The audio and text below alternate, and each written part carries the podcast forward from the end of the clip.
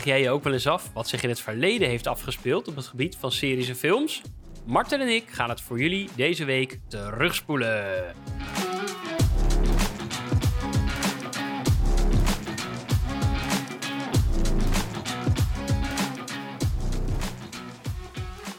Zo, iets later dan gepland. We hebben een nieuw mengpaneel. en we hebben nu weer het even. oude mengpaneel. Ja, we- En- dit werkt toch beter nu? Dit werkt gewoon helemaal goed. Kunnen jullie ons horen thuis? Via jullie oortjes, via jullie boxje, via je smart speaker. Dat kunnen ze allemaal achterlaten via Spotify of ze ons kunnen horen. Oh, dat lijkt me Misschien eigenlijk een wel goed fijn. idee, toch? Hey Martin, welkom. Hallo. We gaan weer eens een weekje terugspoelen. Ja, gewoon dit is even een korte, een korte tussenstop. Gaan we even kijken hoe, hoe deze week in het verleden is geweest. En we hebben weer wat leuke feitjes gevonden voor jullie allemaal. Ja, ik ehm, neem jullie terug naar heel lang geleden. Naar echt, echt heel lang geleden. Eh toen zat ik op de basisschool en ik wilde graag eh, boeken lezen. Eh, maar er waren allemaal saaie boeken op school. Maar ik vond helemaal op een bovenste plank in het lokaal. Daar stonden allemaal hele, hele, hele oude boeken. Eh, zoals de originele Jungle Book van Kipling volgens mij. Maar ook Ben Hur. Kipling van die tassen. Ja, die heeft die tassen ook daarna uitgevonden. Hoe zit het nou in... Oh, Martin is heel heftig aan het gebaren. Ehm, in eh, 1959 kwam de film, de derde verfilming van Ben Hur uit. En in 1960 waren de 32e Academy Awards. En daar won deze eh, film een heleboel prijzen. Maar ik vond het echt een heel erg mooi boek. Heb je het boek gelezen? Nee, Heb je de film gezien? nee. Nou, in die film zitten een aantal dingen die ik echt wel memorabel vind. Zo heb je dat bijvoorbeeld dat stukje met die, eh, met die galeien. Nou, jij kent de hele film niet. Nee. Nou, Ben Hur is een, volgens mij is hij Joods. Eh, hij is een, een rijke, rijke Jood. En in, eh, in het eh, Judea van vroeger, dus in de, in de tijd van de Romeinen. Mhm. Hij wordt uiteindelijk voor mij als een slaaf verkocht.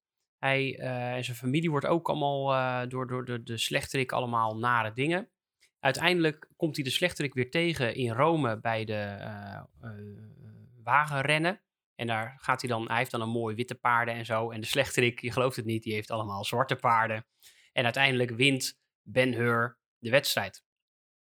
Nou ja, heel spannend. Hij komt uiteindelijk terug in eh, zijn geboortestad. Ben Hur 2. Oh, sorry. Nee, hij komt ja. uiteindelijk terug bij en hij vindt daar zijn familie. Volgens Ja. mij zijn moeder en zijn eh, zus. Mhm. En dat is heel sneu, want die zijn als een soort van straf bij de eh lepra-patiënten neergezet. Dus een soort verbannen stadje waar alle lepra-patiënten heen werden gestuurd. Daar zijn zij dus bijgezet en zijn dus ook eh lepra-leiders geworden. En volgens mij eindigt het daar zo'n beetje die, die film. En van het boek weet ik dat niet meer precies en van de film eigenlijk ook niet. Maar hij won heel veel prijzen, ehm, dus dat is op zich wel, wel leuk. Het is een oude film, maar wel een beetje een klassieker. Dus eigenlijk Ja. moet je die wel een keer kijken. Je hebt het Eh, vaak de beste film, beste eh, regisseur, beste acteur, beste acteur de supportrol. eh nou, van alles en nog wat. Elf Academy Awards. En hij heeft ook nog drie Golden Globes gewonnen. Nou, mocht je hem willen kijken, dan staat hij, eh, eh, dan staat hij in ieder geval op. eh, kan je hem via Amazon Prime kun je hem downloaden, of tenminste bekijken. En je kan hem via Pathé thuis huren. Nou, lekker. Ja, wat gebeurde er nog meer op 4 april? Heath Ledger werd geboren in 1979. Nou, die hebben we het wel vaker over gehad. Hij speelde natuurlijk de Joker in The Dark Knight. En hij speelde ook in King's Tale en zo. Maar die, is ook, eh, die heeft zelfmoord gepleegd, dus die is niet meer eh, bij ons. Nee, en ik heb wel, maar heb ik toevallig wel eh, nog van de week een artikel gelezen over dat Heath Ledger degene was. Hij speelde ook natuurlijk in Brokeback Mountain, een van de meest controversiële gayfilms destijds, omdat het over twee mannelijke cowboys ging die of gaat die, die op elkaar verliefd worden, wat eigenlijk niet mocht en niet mag en wat in die tijd ook al best wel best wel eh, heavy was dat dat was. En hij is degene wel geweest die ervoor gezorgd heeft dat de grappen, de, omdat natuurlijk nu vanwege de Oscars eh, daar eh, best wel de, de loop op ligt van wat kan je wel zeggen, wat kan je niet zeggen. Hij heeft destijds er wel voor gezorgd dat er dus geen foute gay grappen Nee. worden gemaakt tijdens de Oscars, omdat het dus juist zo'n beladen thema was. Ja. Dus het is wel heel mooi dat hij dat nog heeft gedaan. Nou ja, dat hij ook die, die rol wilde spelen dan, waarin dat dus controversieel is. Dat het Zeker. dus niet allemaal gedoe oplevert. Ja, maar dat- daar hard dat- voor maakt. Ja, het is, het is mooi dat een acteur ook zich hard maakt voor Ja. alles daaromheen. In Ja. plaats van alleen maar een rol speelt.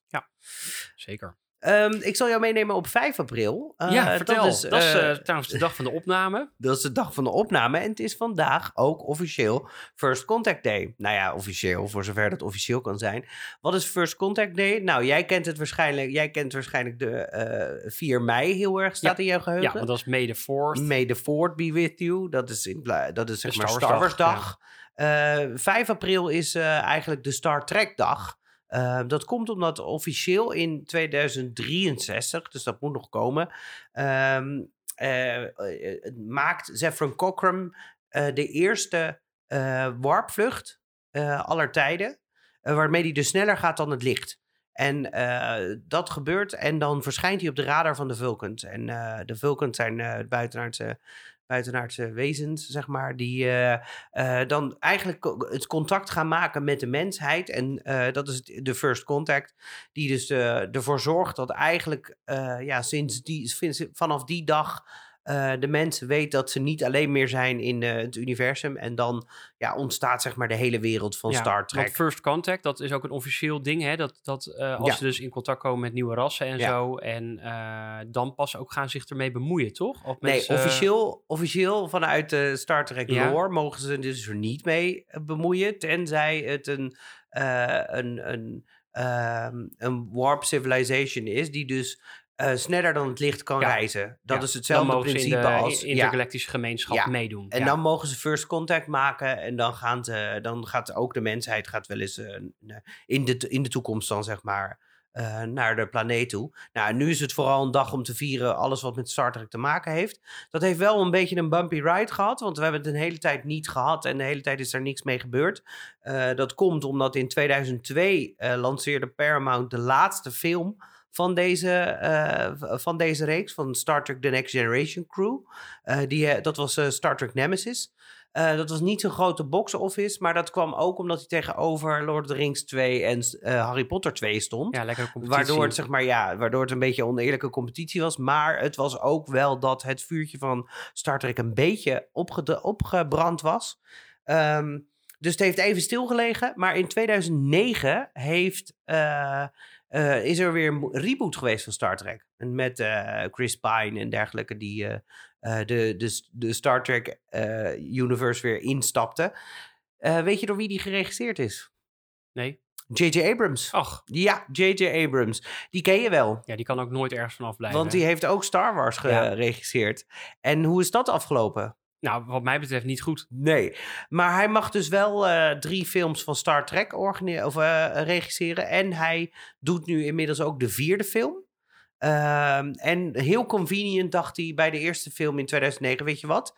Ik reboot gewoon de hele tijdlijn, waardoor we gewoon weer alles opnieuw kunnen bedenken. Ja. Dus het, hij, hij heeft wel een soort van, hij gaat er met een wrecking ball doorheen altijd, Ja. door franchises. Ja, Vind ik toch jammer. ik weet niet of we daar blij mee moeten zijn. Nee. Dus, ja, ehm, ik ken, J- ik ken J.J. Abrams vooral van Lost. En dat vond ik wel heel erg fijn. oh, dat vond ik heel Ja, tof. ja, dat vond ik heel fijn. tof. Dat ging ook niet goed uiteindelijk. Maar dat, nee, dat, maar dat is ook zo. Dat vind ik niet per se alleen te wijten. Dat is zo'n film, zo'n serie die je niet af kunt maken. Dus de, maar dat, als je dat toch doet, dan is, gaat het altijd pijn doen. Ja. Oké.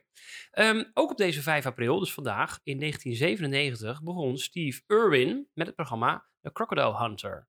ja. Heb je dat ooit gekeken? Nee. Maar ik weet wel dat hij door een pijlstaartrog Ja. ehm, Australië. helaas om het Ja. leven Eigenlijk de, gekomen. de Freek Vonk, maar dan al 20 jaar daarvoor. Ja. En op 6 april, dan moet jij mij toch even helpen, Ja. is Billy D. Williams geboren. Ja. Billy D. Williams, die speelde in onder andere Batman. Wat? Ja, in de? Batman-film in En wat? 1989. Hij was de, eh, de burgemeester. Oh, oké. Maar hij is meer bekend als Oh. Lando Calrissian in de Star Wars films. Empire Strikes Back, Star Wars Tuurlijk, en uh, ja hoor. Return of the Jedi en de latere films. Hey, hoe oud denk je dat hij is geworden? Ik of dat hij denk- morgen wordt? 93. En hij wordt 85 morgen. Oh, oké. Vond ik nog steeds, eh, heel, nog heel, steeds heel, heel, oud. oud, wel, ja. Eh, ik denk eh, dat hij goed geconserveerd is gebleven. Dat denk ik ook. In, op 7 april eh, 1939 wordt Francis Ford Coppola geboren. Eh dus onder andere bekend van The Godfather en Apocalypse Now. Dan moet je me toch helpen. Wat doet, hij, wat doet deze in eh The Godfather? Eh, nee, hij is de regisseur van The Godfather. Oh, nou, daar gaan we. En ehm nou, The Godfather is natuurlijk een klassieker, maar zoals wel met meer klassiekers heb ik die nog nooit gezien. Ik ook niet. Dus die moeten we ook een Echt keertje kijken. terugspoelen, ja. En Apocalypse Now heb ik wel een keer ooit gezien vroeger. Die gaat volgens mij over de Vietnamoorlog. Dat heb je dan met die eh, Ride of the Valkyries Oh, die heb ik wel gezien, van ja. Wagner. Heb je dan dat ze met die helikopter op het eind en dan allemaal ellende. En in 1954 op deze dag wordt Jackie Chan geboren. Ja, nou, is die kennen we natuurlijk echt- allemaal. Echt een acteur waar ik zo niks mee heb. Nee, ik ook niet, maar hij is wel, hij heeft wel, he paved the way voor eh, kung fu. Ja. Want als het ergens, zeg maar, eh, ja, goed op het scherm is gekomen, dan is het wel bij hem. Ook al zijn er ook wel heel veel kritieken dat het heel erg voor Amerikaans is.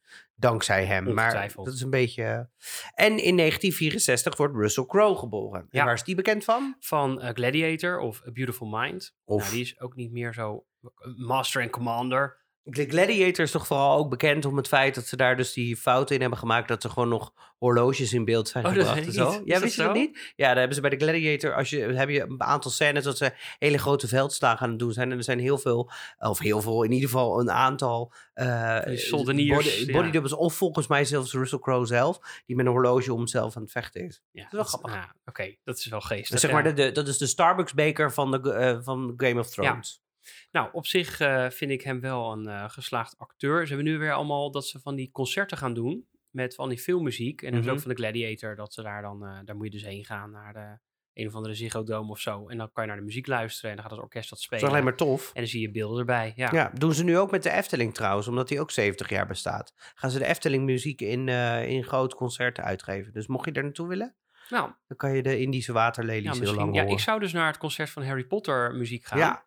Eh, zonder jou. Ja, Eh, maar dat dat, weet is dus, ik. dat is dus weer uitgesteld. Wil zeggen dat drie keer in deze podcast dat- voorbij gekomen. Heb ik dat verteld dat het is uitgesteld? Hm? Nou, dat was uitgesteld en de vorige keren vond ik het een beetje onzin. Maar nu blijkt dat dat orkest uit de Oekraïne komt. Dus die mensen hadden geen tijd om eh, de muziek in te studeren en te komen spelen. Ik dacht, nou ja, goed.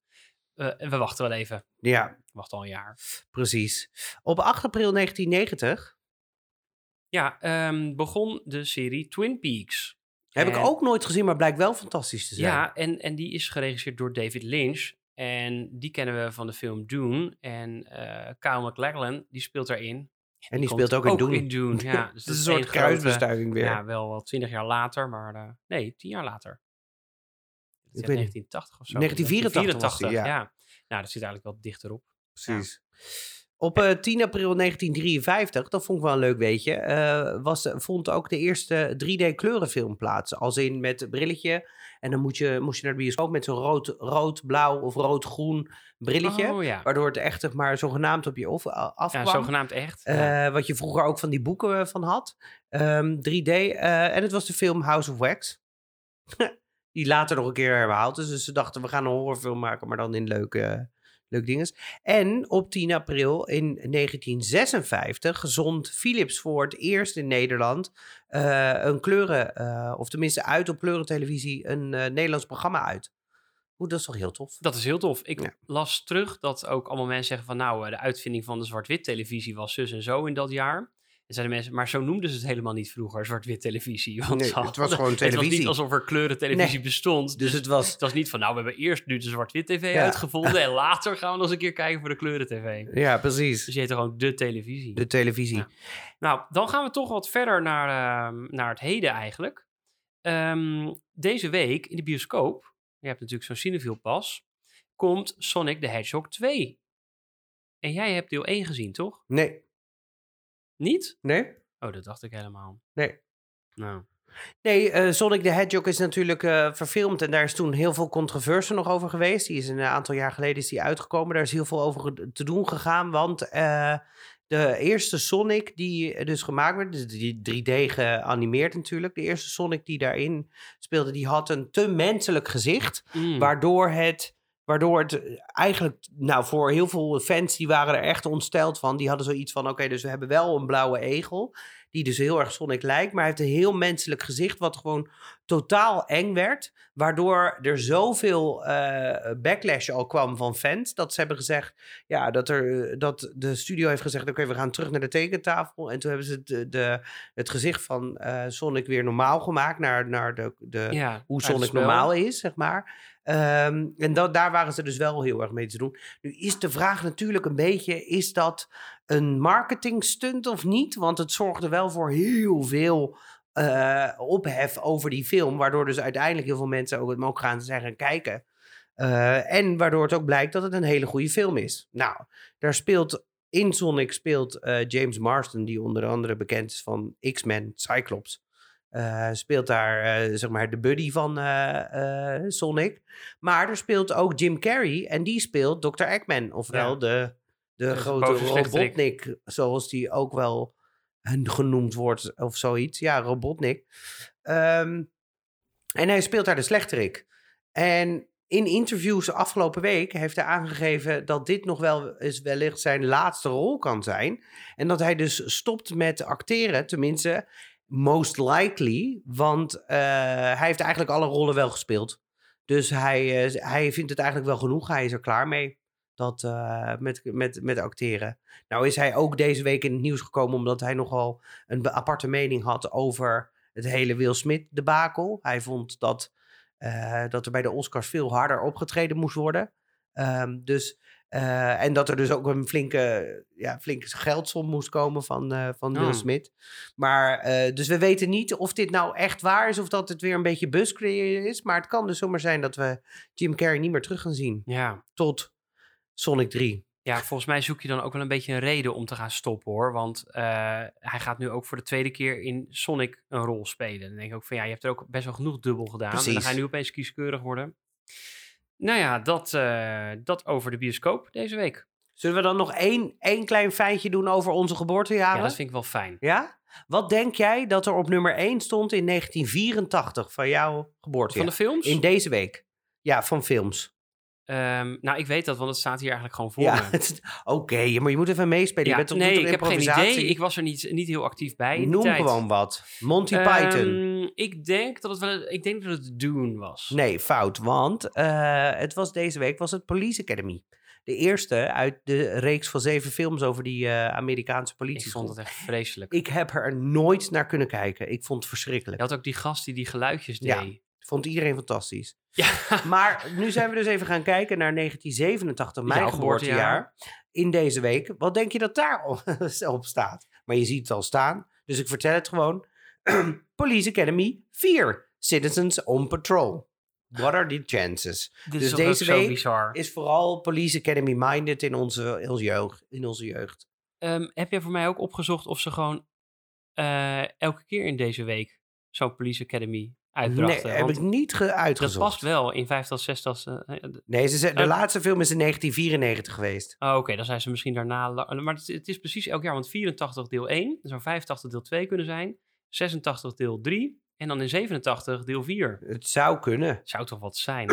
Maar nee, volgens mij niet. Eh 3 april, 21 maart, 29 maart. Ja, het is wel rond dezelfde tijd. ja, oké. Ja, het is absoluut rond dezelfde tijd. Dus dat eh, klopt wel. Nou, ik kan alleen maar zeggen, ik ben blij dat dat gestopt is en dat we niet nog steeds elke week. hey, dit eh, ze rebooten alles, dus wie weet. Wie weet. Ik vind dit een mooie week in het verleden. Ja, ik vind het ook wel een fijne. Er is niemand doodgegaan volgens dit schema. Nee, dat, volgens ons schema zijn er wel doodgegaan. Ja. Maar, Ehm, dus ik vond het een hele mooie recap. En wat gaan we dan eigenlijk nog... eh, wat, gaan we, wat komt er volgende week dan? Nou, volgende week gaan wij speciaal voor jullie de film Fight Club Terugspoelen.